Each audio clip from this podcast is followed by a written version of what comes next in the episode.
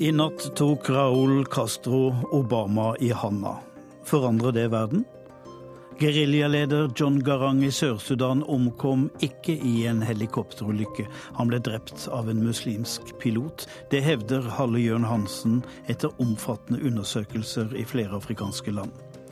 Øst-Afrikas økonomiske kraftsenter ligger i en somalisk bydel i Nairobi. Sverre Tom Radøy har vært i lille Mogadishu. California tørker. Amerikanerne er rystet og lurer på hvorfor. Kan de ha skylda selv? Innbyggerne i en liten landsby i Kasakhstan har sovna, alle som en, og ingen vet hvorfor. Ukraina og Russland slåss på slagmarken, men lager samtidig film om krigen, dvs. Si den forrige. God formiddag og velkommen til Lurix på lørdag. Jeg heter Tom Kristiansen, og vi skal også høre om Danmarks nye politiske stemme. En tenåring med palestinsk bakgrunn, og så selvfølgelig korrespondentbrevet. Men i natt håndhilste USAs president og Cubas president. Det skjedde på det panamerikanske toppmøtet i Panama City i går. Og de skal møtes igjen i dag, for første gang til et formelt møte, og det er det første på 50 år.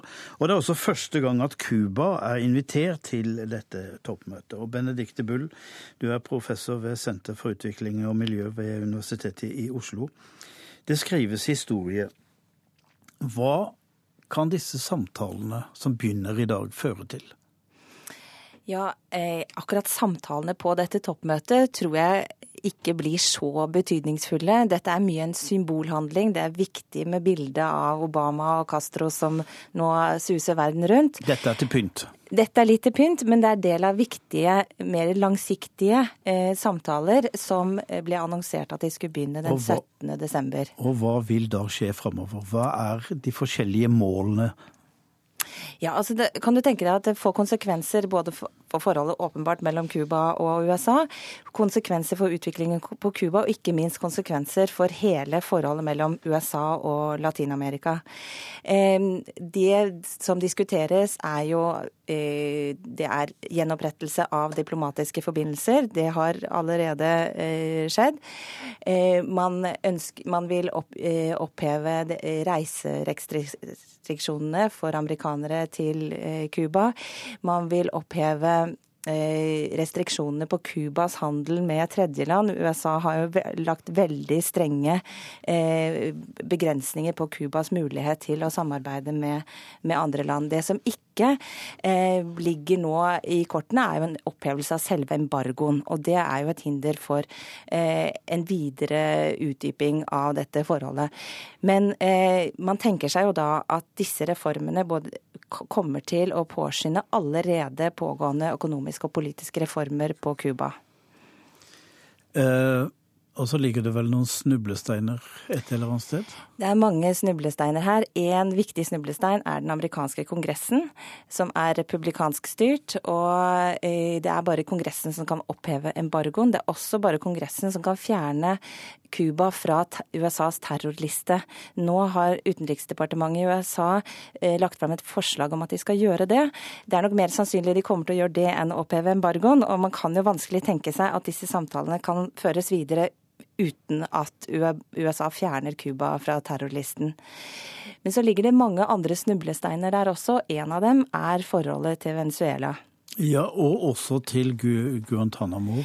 Guantánamo eh, det er en viktig snublestein, og det dreier seg også om forhold til hele Latin-Amerika. Fordi Latin-Amerika de siste årene har samlet seg om Det er mange forskjellige synspunkter innenfor, eh, altså i globale spørsmål, men de har samlet seg om to ting. Det ene er å kreve at USA legger ned Guantánamo, og det andre er eh, at Cuba rett og slett blir innlemmet i det gode selskap. Nå får de kanskje til det siste, men det, det første det er jo ennå ikke på plass. Men du nevnte Venezuela. Ja, eh, og det er jo det som er det, er, altså er, det har jo vært et dårlig forhold mellom USA og Venezuela med nye straffetiltak økonomiske. Eh, er Venezuela det som skal bli det nye Cuba, da? Sånn så det ut for noen uker siden. heldigvis så har det skjedd veldig mye det siste døgnet. Eh, historiske ting det siste døgnet. USA innførte sanksjoner mot syv eh, medlemmer av eh, president Nicolas Maduro sin administrasjon eh, i begynnelsen av april og erklærte Venezuela for en nasjonal sikkerhetstrussel. Det, fikk, eh, det høres jo helt absurd ut for de aller fleste, fleste observatører, og fikk hele Latin-Amerika til å samle seg om støtte eh, til Venezuela. Eh, nå eh, Dette ble jo en ny floke i forholdet mellom Obama og Latin-Amerika foran dette toppmøtet, som skulle på en, måte, eh, på en måte vise hele verden at forholdet var blitt mye bedre pga. det som skjer med Cuba. Nå helt eh, det siste døgnet, eller et par døgnene, så har da Thomas Shannon eh, fra USA vært og snakket med Maduro. Og, og Obama selv har eh, sagt at han mener overhodet ikke at Venezuela er en nasjonal sikkerhetstrussel. Og Maduro har da eh, har da gått ut og sagt at nå begynner en ny æra i forholdet til USA. Og da tenker jeg at altså, hvis dette virkelig blir sånn, så er det ganske historisk. For det har jo vært et, eh, i hvert fall på det retoriske planet, har det jo vært et veldig anstrengt forhold mellom USA og Venezuela i mange år. I praktisk politikk så har man nok vært langt mer pragmatisk. Men eh, jeg er jo gammel nok til å huske Latin-Amerika som eh, liksom diktatorland. Hvor demokratiske er de? På mange måter så er Latin-Amerika nå mer demokratisk enn noensinne. Bortsett fra Cuba så har man demokratisk valgte regjeringer overalt. Man har også nye, interessante eh, demokratiske eksperimenter. Man har levende sosiale bevegelser. Man har Altså det har skjedd veldig mye de siste 2015-årene. Men så er det veldig vanskelig å, ha, å, et, å en måte holde seg til demokratiske spilleregler og samtidig klare å gjennomføre de reformene som mange land treng, trenger. Jeg tenker at Det er tre faktorer som gjør det vanskelig med demokrati i Latin-Amerika, og at det er en del skyer i horisonten nå. Og De tre faktorene er for det første ekstreme sosiale og økonomiske ulikheter, som er vanskelig å gjøre noe grunnleggende med innenfor et eh, liberalt demokratisk system. Det andre er svake stater, og det er noe som kanskje kom lite til syne da de var styrt av militæret og man så stater fulle av våpen og, og, som virket sterke, men på en måte ikke hadde den forankringen i folkelig legitimitet. Og, og, og rett og slett statsapparatet med kapasitet til å gjennomføre reformer. Og det tredje er jo forholdet til USA, som alltid på en måte legger en begrensning på hva man kan gjøre. Så vi har sett i en del land nå litt bekym bekymringsverdige innskrenkinger på demokratiet, vil jeg si. Eh, selv om jeg vil ikke gå så langt som å si at man er tilbake til diktaturet. Man ser jo også økt støtte til mer militære løsninger og mer autoritære løsninger blant en del folk, fordi man har sett økt eh, altså en, en, en, ekstrem voldsbølge i mange land. Og man har sett en økt sosial uro. Tenker da på Brasil, Venezuela. Venezuela er faktisk støtten til autoritære løsninger langt mindre enn i Brasil. Men, eh, eh, og, og, flere andre land. Så nå, akkurat nå tenker jeg det er en del punkter som bekymrer meg litt. Helt til slutt. Eh, har Latin-Amerika noe å bidra med av egne tradisjoner til et demokrati? Ja, altså, det tenker jeg i aller høyeste grad. Man har jo sterke autoritære tradisjoner, men man har også eh, demokratiske tradisjoner. Man har en hel generasjon av ledere som har opplevd av politiske ledere som har opplevd det verste med, eh, med diktaturer. Med, det er jo tre-fire presidenter i Latin-Amerika nå som selv har vært fengsla uh, og torturert under diktaturene. Og man har veldig sterke sosiale bevegelser i mange tilfeller som bidrar til en fornyelse nedenfra. Benedicte Bull, takk for at du kom i studio.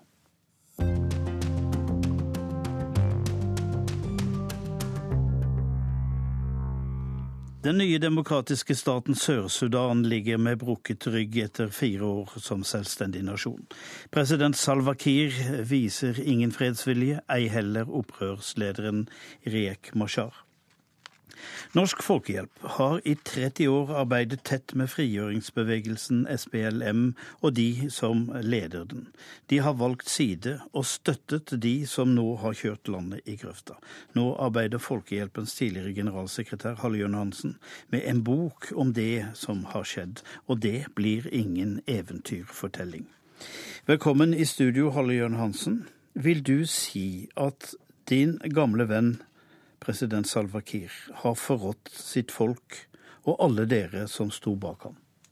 Det er tungt å si det, men svaret er ja. Og jeg kan ikke godt forklare veien fra der han var for 20-30 år siden, da vi trodde at han var en meget dyktig geriljaoffiser med et uh, menneskelig innhold som uh, ville være et godt bidrag til å utvikle et godt samfunn i Sudan, eller Sør-Sudan når kampen en gang var over. Eh, mange av mine gamle venner i, fra kamptiden i Serra og SPLM, altså frigjøringsorganisasjonens eget nettverk, eh, de sier jo at i løpet av tiden som president så endret han karakter og personlighet. Han ble stadig mer autoritær. Og jeg er ikke i tvil om at det er en riktig vurdering, som forsterkes av at han valgte den etniske dimensjonen for å forankre sin politiske maktstilling. Mitt svar er at dessverre så anser jeg i dag min gamle, eller en gang venn, fra kamptiden Salva Kiir for å være hovedansvarlig for ødeleggelsen ikke bare av partiet og demokratiet, demokratiprosessen, men for alt annet som har skjedd i Sør-Sudan siden. Er han en krigsforbryter? Ja. Jeg er ikke i tvil om det. Hva har han gjort?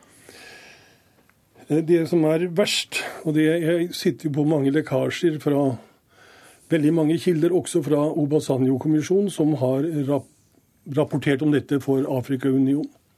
Vi vet jo at denne rapporten er hemmeligholdt, men den er jo sprukket i alle ender, sånn at uh, veldig mye er tilgjengelig. Og da er det ingen tvil om at uh, Salva Kiir med sine etniske medspillere, ikke i hele dinka-folket, men i dinka-folket som bor i de delstatene Warrap og eh, Bar al-Ghazal.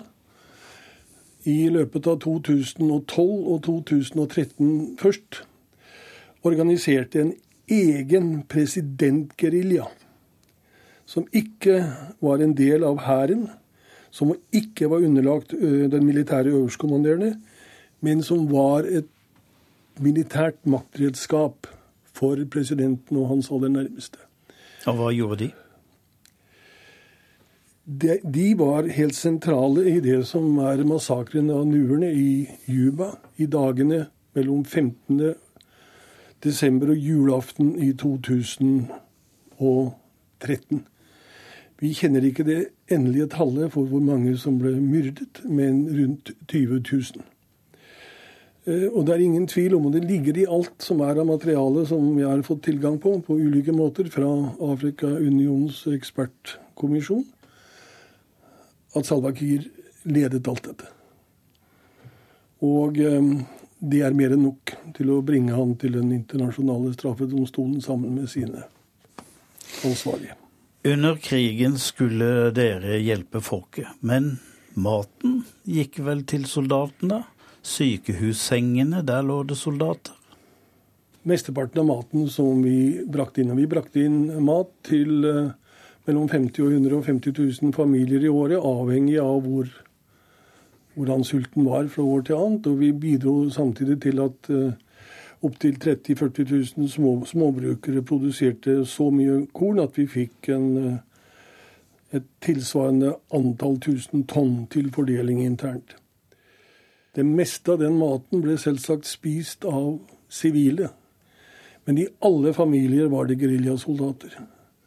Og verken vi eller FNs eh, paraplyorganisasjon Operation Lifeline Sudan og den hjelpen de ga, kunne gå, rundt og spørre er du i SPLA eller er du ikke. Da får du mat, eller da får du ikke mat. Så det var en umulig oppgave. Når det gjelder å behandle syke og skadde, også etter krig på sykehus, så er Genéve-konvensjonene veldig klare. Det er ja til alle. Du mer enn antyder i boken din at nasjonens far John Garang, eh, som omkom i en flyulykke i dårlig vær Det var ingen flyulykke, det var et drap. Ja. Jeg kan jo ikke legge skriftlige bevis som er udiskutable på bordet. Men jeg har snakket med så mange eh, som betviler den offisielle rapporten, og som er ganske overbevist om at eh, John Garang ble myrdet på en, en særdeles raffinert måte. At det ikke hos meg er noen tvil om at det skjedde. At det var et politisk mord. Men jeg kan ikke legge bevisene på bordet og si at dette kan jeg bevise. Det blir en uh, vurderingssak og en trossak basert på de mange kildene jeg har snakket med. Og hva sier de? Vel, én viktig kilde for meg er en meget kjent ugandisk journalist som uh, opplevde at hans kollega, sønnen til piloten, plutselig ble veldig rik. Så valgte han litt uortodokse journalistiske metoder for å finne ut hvordan ble han rik? Hvordan var det mulig for han og familien å kjøpe en stor villa, han som hadde en fattig journalistlønn i Kampala? Det ble betalt inn store beløp, én million dollar til sammen, på familiens bankkonto, ifølge denne journalisten som sikring for at eh, familien hadde det bra etter at piloten hadde begått selvmord. Han var ifølge journalisten muslim. Han hadde pådratt seg aids. Han var døende. Han visste at han ville dø om en stund. Og noen klarte å overbevise han om at han hadde valget mellom martyrdom og helvete og at de ville sikre familien hvis han valgte martyrdom. Det gjorde han. Og på den måten drepte han Jon Garang. Og det siste ordet som er på det lydbåndet som alle fornekter fins, det er uttrykket Allah akbar, Gud er stor.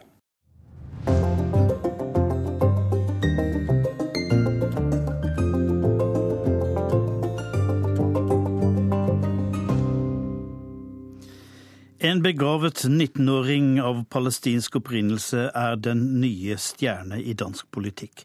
Yahya Hassan er en ledende figur i det nystartede Nasjonalpartiet, og han vil inn på Folketinget. Dette skjer et drøyt år etter, at, etter hans debut. En oppsiktsvekkende diktsamling som folk fortsatt snakker om. Hvis dronningen ikke makter å si det, så må jeg jo holde en tale jeg gider ingen kvasikonfrontasjoner. Hvis vi taler politikk, så taler vi politikk. Og så har jeg så sannelig noe at skulle ha sagt. Han sto der alene på scenen med en tykk bunke ark i hendene. Den vevre mannen med den litt for store dressjakken og den karakteristiske hestehalen. Foran ham satt et fulltallig dansk pressekorps. De fikk et politisk manifest i fleisen nærmest spyttet ut av en de færreste hadde sett for seg i politikken. Dette var dagen da 19-årige Yahya Hassan entret den danske valgkampen for det lille nasjonalpartiet stiftet av tre pakistanske brødre for et halvt år siden. Ennå har ikke partiet sikret nok underskrifter for å stille til valg. Det har vært regnet som en parentes i dansk politikk. Det kan fort endre seg nå. Fem børn på række og en far med en kølle. Flere graderi og en pøl av piss. Vi stikker skiftevis en hånd frem for forutsigelighedens skyld. Det er gått litt over ett år siden den da 18-årige Yahya Hassan slapp sin diktsamling i Danmark. En samling som fikk panegyriske anmeldelser, som blir regnet som den viktigste utgivelsen på mange år i Danmark. Nå beder han sine bønder i Grimhøy-moskeen og knepper en dansker på havnen.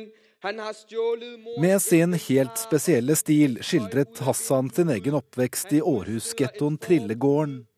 Det handlet om sosialt bedrageri, vold, kriminalitet og religiøst hykleri. Mange i det muslimske miljøet ble rasende. I kjølvannet av utgivelsen kom drapstrusler og livvakter fra sikkerhetstjenesten.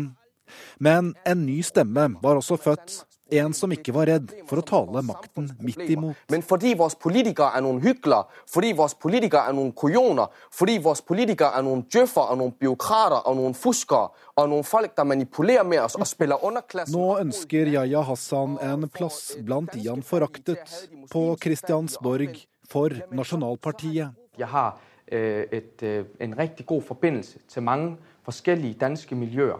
Samtidig med at jeg har, jeg har en, en god forbindelse til mange nydanske miljøer. Øh, og det er det møde som vi prøver å arrangere. La oss lige begynne med øh, den dom, som ble omtalt her i innslaget. En dom fra i mandags på fire måneders betinget fengsel. øh, Som Spørsmålet er hva disse miljøene tenker om hans ferske dom på fire måneders fengsel for vold. Også uttalelsene i etterkant av terroren i februar vakte oppsikt. Yahya Hassan sa han forsto mannen som tok to liv. Likevel tror valgforskere og eksperter at Hassan, som har palestinsk bakgrunn, kan få sofavelgerne opp og inn i valglokalet. Bare dager etter lanseringen hadde Nasjonalpartiet fått mange tusen flere av underskriftene det trenger for å kunne stille til valg. Kommer de inn i Folketinget, kan de endre maktbalansen i dansk politikk. Vi er nasjonens parti. Vi er ikke et borgerlig parti, vi er et borgernes parti. Og vi har inntatt midten for å kunne arbeide oss i retning av fornuften. Yahya Hassans møte med pressen ble uansett helt spesielt. Uavbrutt i nesten én time fremførte han sin politiske monolog. Erfarne journalister hadde ikke vært med på lignende. Statsminister Helle Thorning-Schmidt har ennå ikke bestemt når danskene skal gå til valg, men valgkampen er allerede i gang. Nå også med en ny og sterk stemme. Reporter Petter Auli Hauge.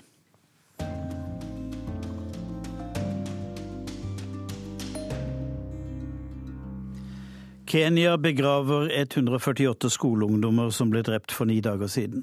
Nå jakter Kenya på de som sto bak Al Shabaab.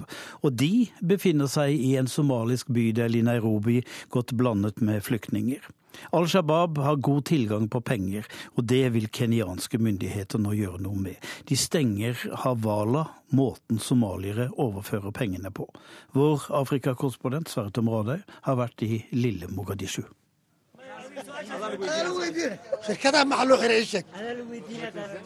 Diskusjonen går blant direktører og dagarbeidere i dress og dishdash. En tralle med tyll triller forbi, juggel og juveler. Konteinere strømmer inn hit fra kysten, fra havnen i Mombasa. Siste modell av bude, flatskjermer, klokker og hakker. Men nå kan det være forbi. Fiffen er fortvilet, flyktningene forferdet.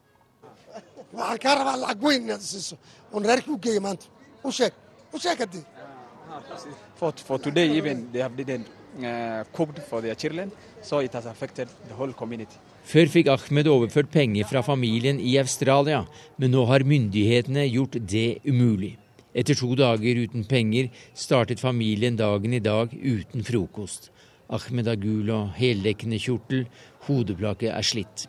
Han satt i det som var verdens største flyktningleir ved grensen mot Somalia, før han kom seg hit med familien.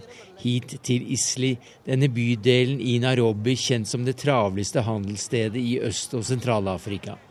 Ikke noe annet sted sender så mye forbruksvarer ut til dette området, ifølge Mohammed, sekretær i handelsstanden. Uh, Isli is a hub, is a business hub in East and Central. It is Hit kommer kjøpere fra Burundi, Rwanda, Tanzania, Uganda, Etiopia og Sudan, og Kenya selvfølgelig. Taxisjåføren var begeistret for denne turen. Han trengte et par jeans. Elektronikk fra Kina, klær fra India. Her lastes det om. Importørene fra Isli er blant Dubais viktigste kunder. Og alt betales via Havala, arabere og somalieres suverene alternativ til det vanlige banksystemet.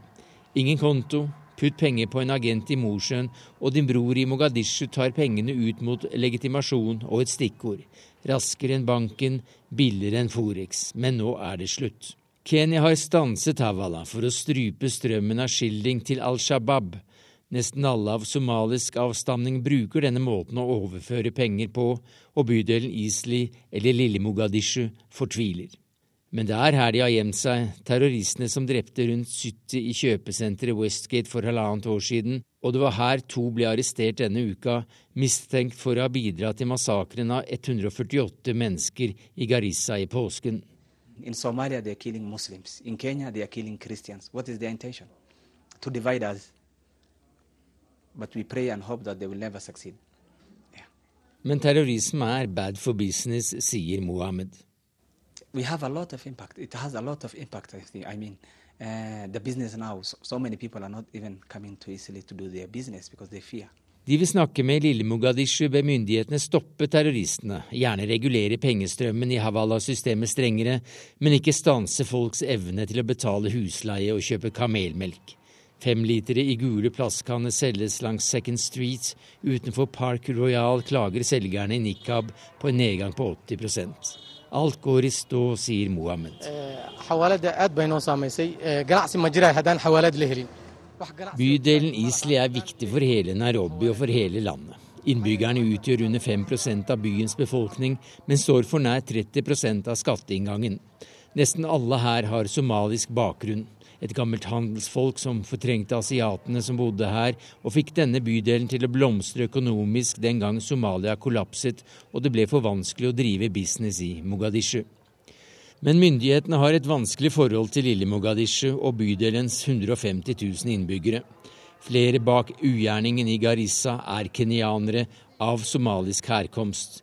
I andre bydeler ville somaliske Al Shabaab-terrorister skille seg ut, men her forsvinner de i mengden før det fraktes som drapsmaskiner og levende bomber til et kjøpesenter, til et universitet.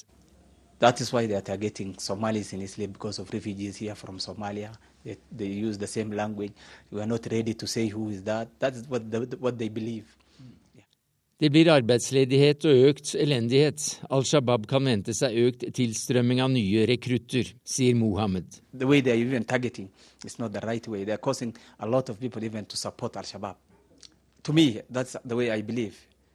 yeah. Mens Abdul sier at de kan tåle mye, men ikke at noen rører ved Havala.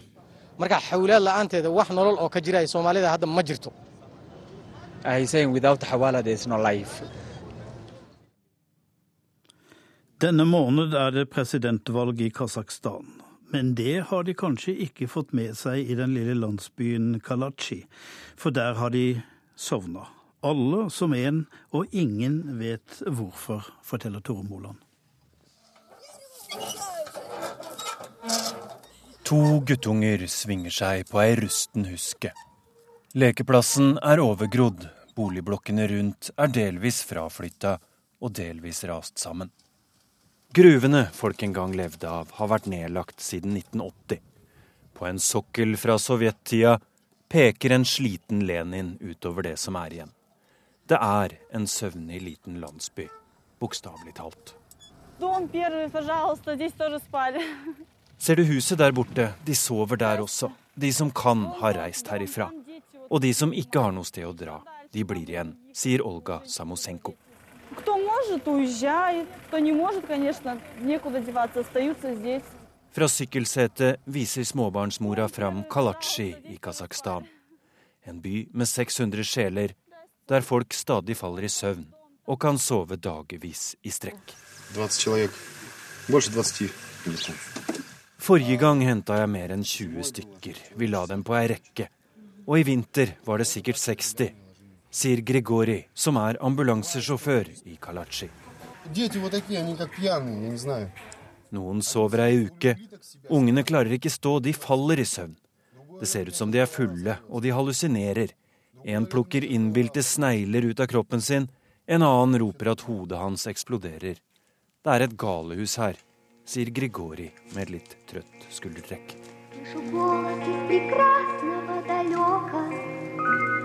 голос утренний в серебряной росе.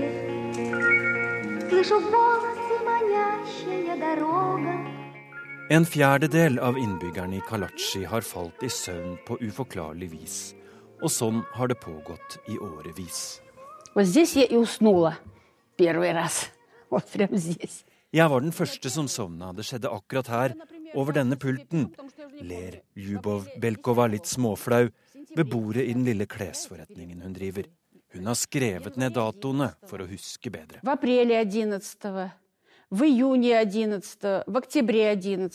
April og september 2010, januar, april, juni og oktober 2011, mars 2012, sier den godt voksne butikkdama, som av legen fikk beskjed om at hun trolig hadde hatt et drypp. Men sannheten er at ingen vet hvorfor innbyggerne i Kalachi sovner. Сонная болезнь – это не вирус. Буквально несколько часов назад стали известны первые результаты исследований, которые проводит бригада казахстанских ученых в Акмолинском... Washington Post, The Guardian, Russia Today og Siberian Times. Alle har de latt seg fascinere av mysteriet i den forfalne gruvebyen. Kasakhstans beste leger og forskere er tilkalt. Drikkevann og jordsmonn er undersøkt. Matvarer og luftkvalitet likeså. Og så lenge ingen finner noen forklaring, fortsetter de å spekulere, store som små.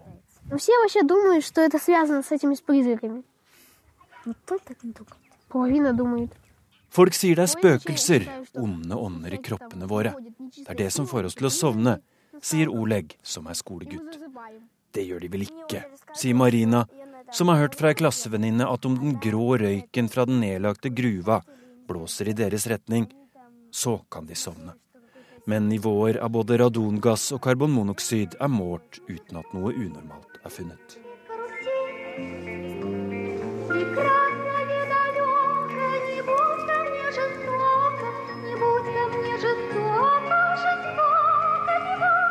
Og tro det eller ei, i mangelen på en bedre forklaring har fagfolk nå lansert teorien om at den søvnige landsbyen lider av en form for massehysteri. En kollektiv sykdom som kan ramme avgrensa småsamfunn under stort psykologisk press. I historiebøkene fins eksotiske paralleller, som latterepidemien av 1962, da hundrevis av elever på en pikeskole i Tanganyika lo ukontrollert i månedsvis. Eller dansepesten i 1518, da innbyggerne i Strasbourg etter lang tid med uår og nød begynte å danse frenetisk en julidag, og danset til de etter hvert stupte døde om kull.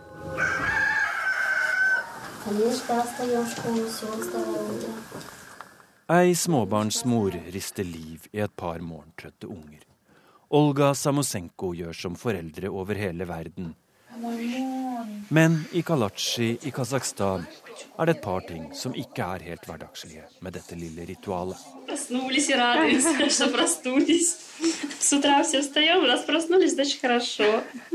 Vi pleier å sjekke med de andre i nabolaget om de også har kommet seg opp, forteller Olga til russisk fjernsyn. Om alle klarer å komme seg opp om morgenen, da er det en god dag, sier naboene i Kalatsji til hverandre. Og siste nytt fra Kalachi er at myndighetene har bestemt seg for å evakuere byen. Også Olga Samusenko og hennes mann og barn.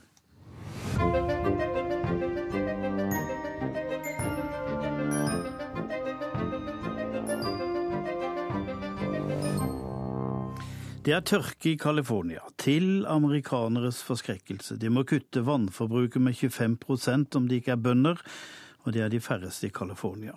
Dramatiske ørkenlignende bilder er lagt ut på sosiale medier, men med alle saker er det slik at det fins flere sider. Det er for lite vann, ja vel, men kanskje er det for mange folk? Det har reporter Joar Hoel Larsen reflektert over. Seems it never rains in Southern California er selve solskinnsstaten evig sommer, strender og palmer, grønne plener og behagelig klima året rundt.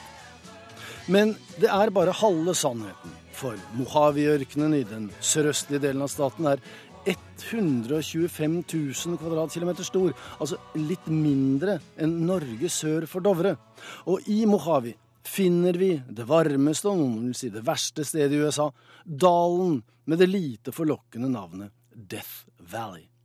Så California er ingen grønn lunge fra naturens side, men demninger og kunstig vanning har i stor grad skapt et bilde av det grønne California.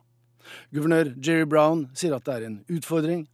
For i 10 000 år bodde det svært få mennesker i denne delen av verden. Nå bor det 38 millioner i delstaten. We all face a challenge because California, for 10,000 years, had only 300,000 or so residents. When you up that number to 38 million and you increase the uh, amenities and the consumption, uh, you get a problem when you're in the middle of a desert. De to dalsøkkene mellom kystfjellene og Sierra Nevada er blant de mest fruktbare i verden. Sacramento Valley og San Joaquin Valley produserer enorme mengder frukt og grønnsaker. Men vann har ofte vært et problem. For når snøfallet svikter, da kommer vanskelighetene. Hvert år måler det californiske vannverket snømengden i fjellene for å beregne vanningsmulighetene. I år sto de for første gang, bokstavelig talt, på bar bakke, der det normalt sett skulle vært halvannen meter snø, forteller vannressurssjefen i California, Frank Gerke. And this is the first year in its uh, measurements going back to 1942 where this snow course has been bare, no snow at all. Det deilige klimaet i California medfører mye uteliv og friluftsaktivitet. De spiller golf, der en del av banen sågar heter greenen, så golfbaner må vannes hyppig. Svært mange har badebasseng, og de steller pent med bilene sine. Men når nærmere 15 millioner kjøretøy skal vaskes, og ikke alltid like nødvendig, da renner vannet. Å spare vann har lenge vært nødvendig, men frivillig. Nå er det obligatorisk, og vannmåleren vil bli sjekket. Guvernør Jerry Brown maner til fantasi og kreativitet. We're going to have to find the recycling, the storage, the efficiencies. Et populært tiltak er å gå over til plengress og planter som er mer hardføre. De trenger mindre vann, men klarer seg allikevel i den sterke sola. Jim Hefner i Long Beach gikk drastisk til verks, og den nye hagen hans er blitt rene turistattraksjonen, forteller han. It's daily.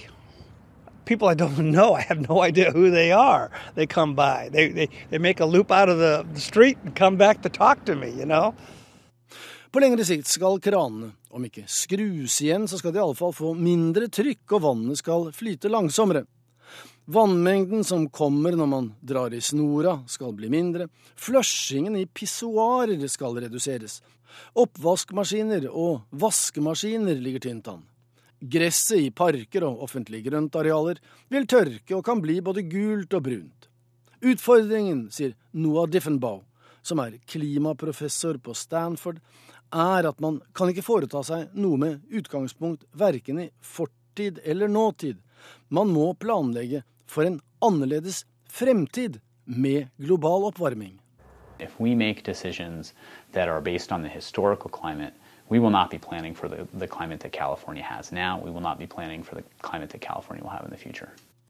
Situasjonen er svært alvorlig.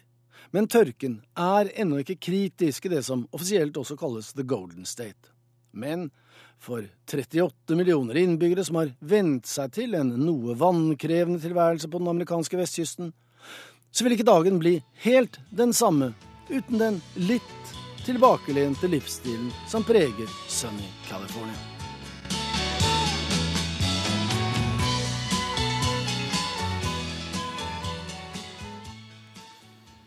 Russland og Ukraina slåss på slagmarken og i media. Imens har kunstnere funnet fram til hverandre. En felles russisk-ukrainsk film om annen verdenskrig er nå klar for kinoene, og den er blitt godt mottatt i begge land. Slaget om Sevastopol, eller Den usårbare, usårbare som den heter på ukrainsk, den handler om den legendariske kvinnelige snikskytteren Ludmila Pavlotsjenko, og vår Moskva-korrespondent Morten Jentoff har vært på kino. Господин Хрущев приглашает миссис Элеонору Рузвельт на торжественный прием в честь ее приезда в Советский Союз. Det er torsdagskveld i en av de mange nye, flotte kinoene som er åpnet de siste årene her i den russiske hovedstaden Moskva. Og for en gangs skyld er det en hjemlig og ikke amerikansk film som har fått meg og ganske mange andre til å fylle kinosalen denne kvelden.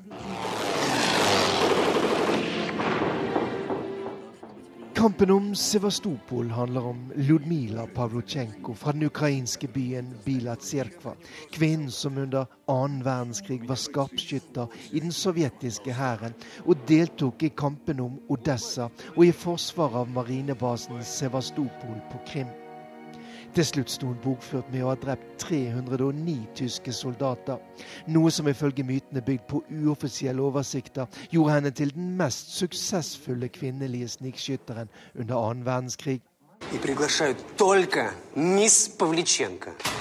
Советская делегация просит вас внести...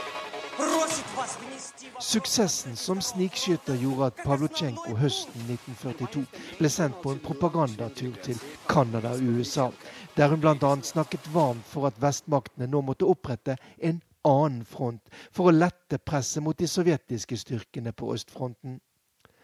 Pavlotsjenko ble også mottatt i Det hvite hus, der hun knyttet et vennskap med den amerikanske presidentfruen Eleanor Roosevelt, som skulle vare livet ut.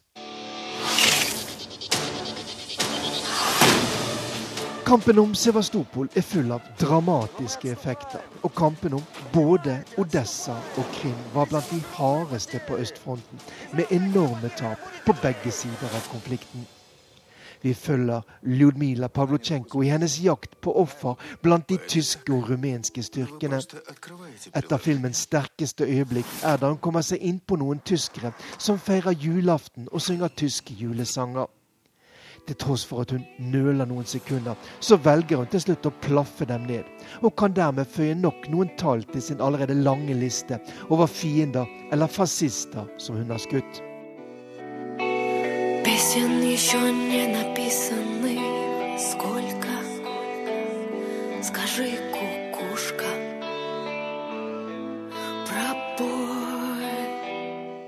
Men bortsett fra selve handlingen er det mange ting som er interessant med denne nye filmen. En ting er musikken som brukes, bl.a. sangen 'Kokoshka', 'Den lille gjøken', skrevet av Viktor Tsoi fra den legendariske sovjetrockegruppen Kino, og nå framført av Russlands representant i årets Melodi Grand Prix, Polina Gagarina.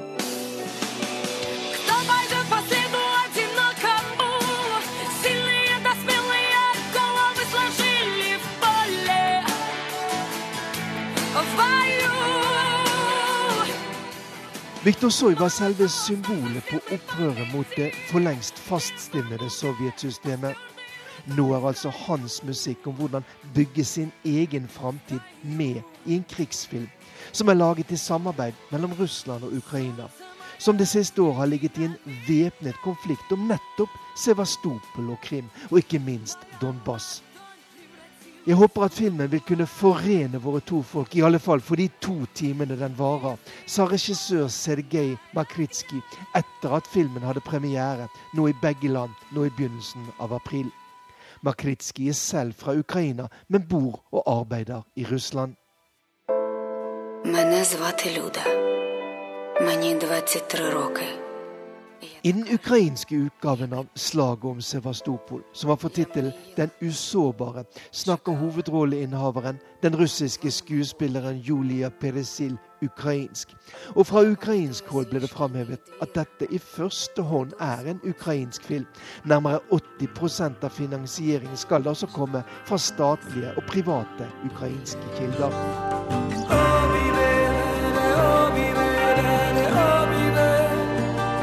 I filmen brukes også musikk fra den ukrainske gruppen Okian Jelsi, som synger på ukrainsk, og som er kjent for sin støtte til de vestvennlige kreftene i Ukraina. Derfor er kanskje det mest interessante med denne filmen det vi kan forstå mellom replikkene og bombene. Det kompliserte og uavklarte forholdet mellom de slaviske broderfolkene, russere og ukrainere. Og I tillegg dukker også jødenes tragiske historie i dette grenselandet opp i filmen. Он очень-очень честный и очень... У меня папа тоже воевал. И все... Jeg synes dette var en ærlig film, fortalte Julmila Orlova etter at hun sammen med sin mann Boris Grigorian hadde sett slaget om Sevastopol her i Moskva torsdagskveld. Hennes far hadde selv vært med i krigen, og hun synes det hun hadde sett, ga et riktig bilde av det som hadde skjedd. Я jeg hadde aldri hørt om denne historien før, sa Boris Grigorian. Men han mente at det er alles plikt å forsvare sitt fedreland. Men hva er egentlig fedrelandet i dag, ville jeg vite. Ukrainerne sier at de forsvarer sitt fedreland, russerne sitt.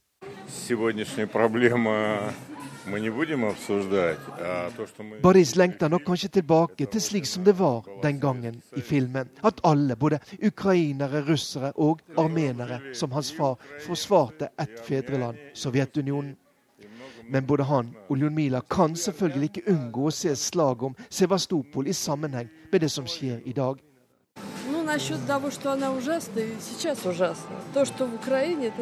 Det er forferdelig at det som vi har sett på filmen, skjer i dag i Ukraina, sier Ludmila. Som håper at ukrainere og russere en gang i framtiden kan leve og arbeide tett sammen, slik som de har gjort for å lage filmen om den usårbare Ludmila Pavitsjenko i slaget om Sevastopol.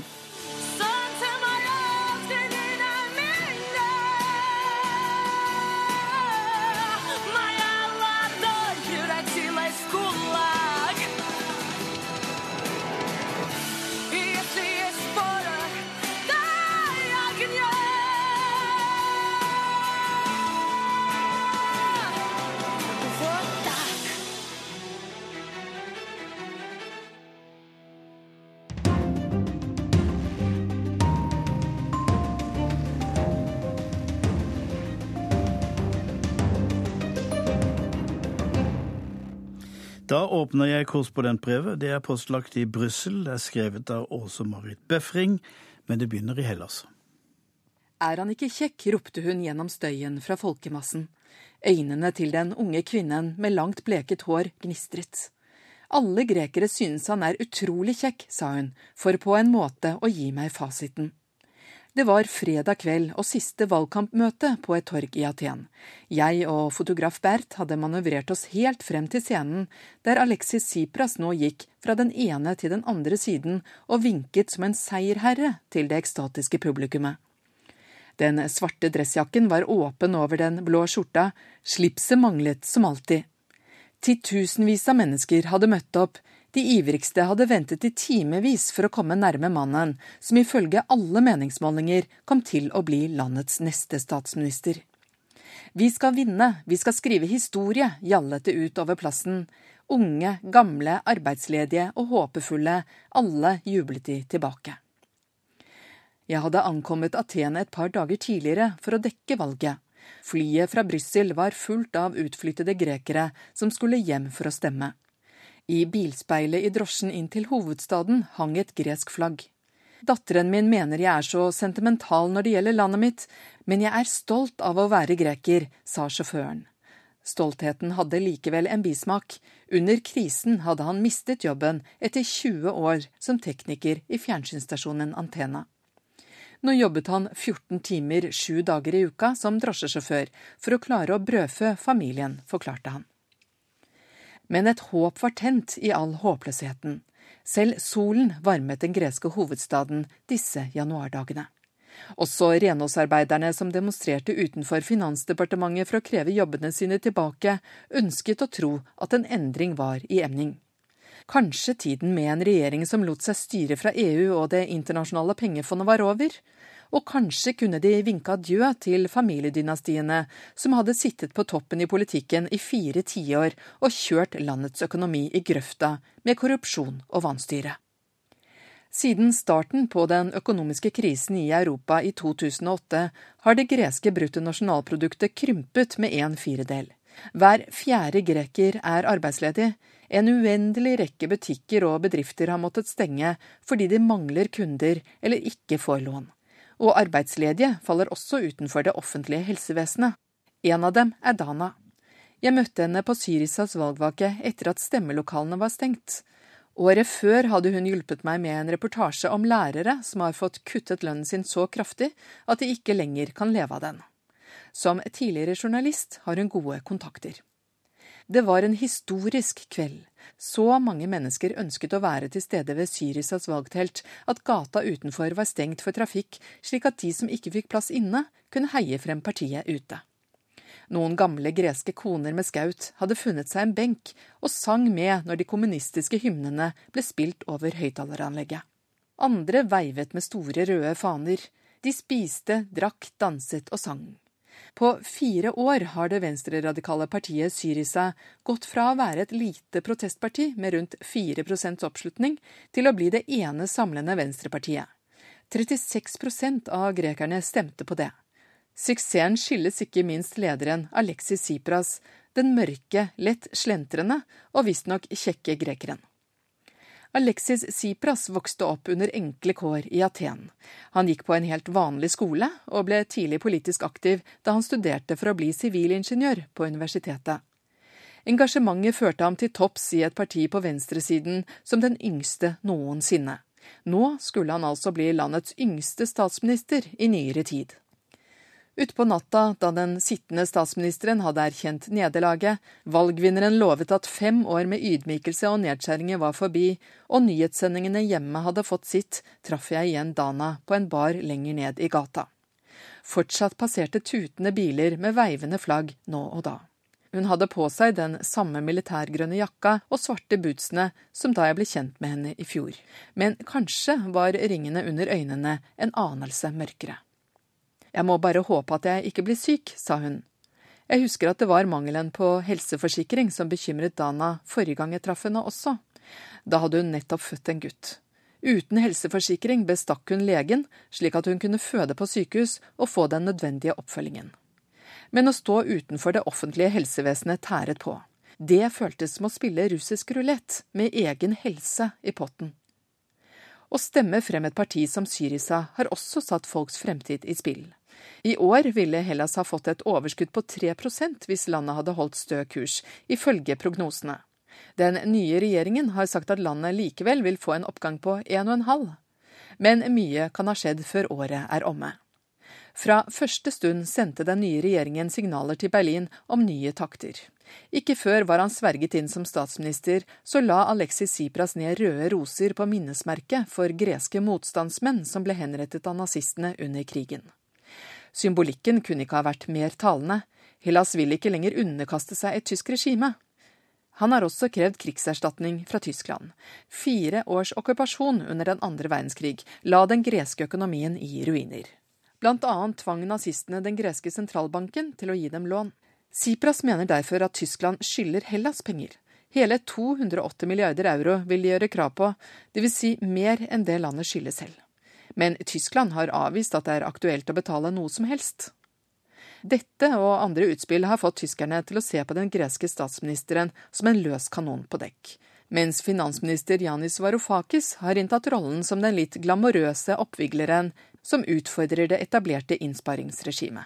Selv tyskerne har vært nysgjerrige på ham, i hvert fall før episoden, kalt Varofake, varofalsk altså. I forrige måned ble Varoufakis invitert til et program ledet av en av Tysklands mest kjente TV-profiler. Midt under intervjuet ble han konfrontert med et to år gammelt videoopptak der han regelrett viser fingeren til Tyskland. Programlederen mente at dette var lite passende i gjeldskrisedebatten, spesielt siden Tyskland betaler mest, så hvordan har det seg da at de likevel får mest kritikk av grekerne, ville han vite. Varoufakis svarte ikke. I stedet hevdet han at videoen var manipulert. Var den det? Debatten gikk noen dager. Et satireprogram kastet seg på og sa at de hadde tuklet med videoen, men trakk det siden tilbake. Varofake gikk som en farsott på Twitter og hjalp ikke akkurat til for å løse krisen rundt Hellas. Krisemøter har det vært mange av her i Brussel, og de to grekerne Sipras og Varoufakis har valfartet hit titt og ofte. De startet forhandlingene med å kreve å få kuttet gjelden, men gikk bort fra det i løpet av bare noen dager, og ønsket i stedet forlengelse av kriselånet uten at det fulgte med noen forpliktelser. At de står langt fra hverandre, kommer også frem på pressekonferansene etterpå. Etter et krisemøte noterte jeg følgende av det eurosonens sjefforhandler Jeroen Disselblom sa. Vi har ikke kommet noen vei. Det var skuffende lite reformforslag grekerne kom opp med. Enhver kan be om hjelp når de har problemer, men med hjelpen følger regler og forpliktelser. Det beste ville være om de forlenger låneprogrammet. Etter samme møte sa den greske finansminister Janis Varoufakis omtrent følgende. Vi mener at låneprogrammet er en del av problemet og ikke løsningen, og derfor må man finne en annen vei. Jeg er helt overbevist om at vi får på plass en avtale. I ukene etter valget har mye gått galt for Hellas. Å komme opp med reformer som er spiselige både for dem som sitter på pengesekken og for de greske velgerne, har vært vanskelig. Selv om kreativiteten har vært stor. Et forslag fra grekerne var å la studenter, hjemmeværende og til og med turister få jobb som hemmelige skatteinspektører. Med video og lydutstyr festet til kroppen skulle de gå inn i tavernaer og butikker og avdekke skattejuks. En ny liste med forslag til reformer ble sendt kreditorene så sent som i forrige uke. Det er altså disse reformene som utløser lånet Hellas må ha. Men de andre EU-lederne begynner nå å gå lei. Et ønske fra Varoufakis om et ekstraordinært møte med finansministrene denne uka for å få en løsning på det greske dramaet, har blitt møtt med unison stillhet. Imens renner pengene ut av den greske statskassa og fra de greske bankene. Da jeg begynte i denne jobben for snart to år siden, sa en kjent kommentator til meg at Hellas kommer til å gå ut av eurosonen, og det skjer på din vakt. I det siste har gresk exit, eller grexit, vært på fleres tunger. Et bettingselskap mener oddsene for at det skjer i år, er tre til én.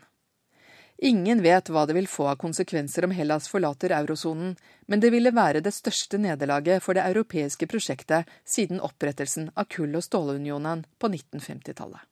Grekerne stemte på Syrissa fordi partiet lovde at folk som Dana igjen skulle få rett til gratis helsehjelp, at alle skulle ha en lønn de kunne leve av, og at tusener av oppsagte offentlige ansatte skulle få jobbene tilbake. En jeg snakket med på valgvaken den kvelden de vant, sa det enkelt. Europa kan ikke være slik at folk blir fattige. Vi ønsker et Europa der folk får et bedre liv. Urix på lørdag er slutt. Teknisk ansvarlig Hilde Tosterud, skript Oda Holm Gulbrandsen. Jeg heter Tom Christiansen. Og minner om at kortversjonen av dette programmet det får du på P2 klokka 16.40. Eller du kan få hele om du går inn på podkast på våre nettsider. Og så, husk Urix på NRK2 mandag. Ha en god dag.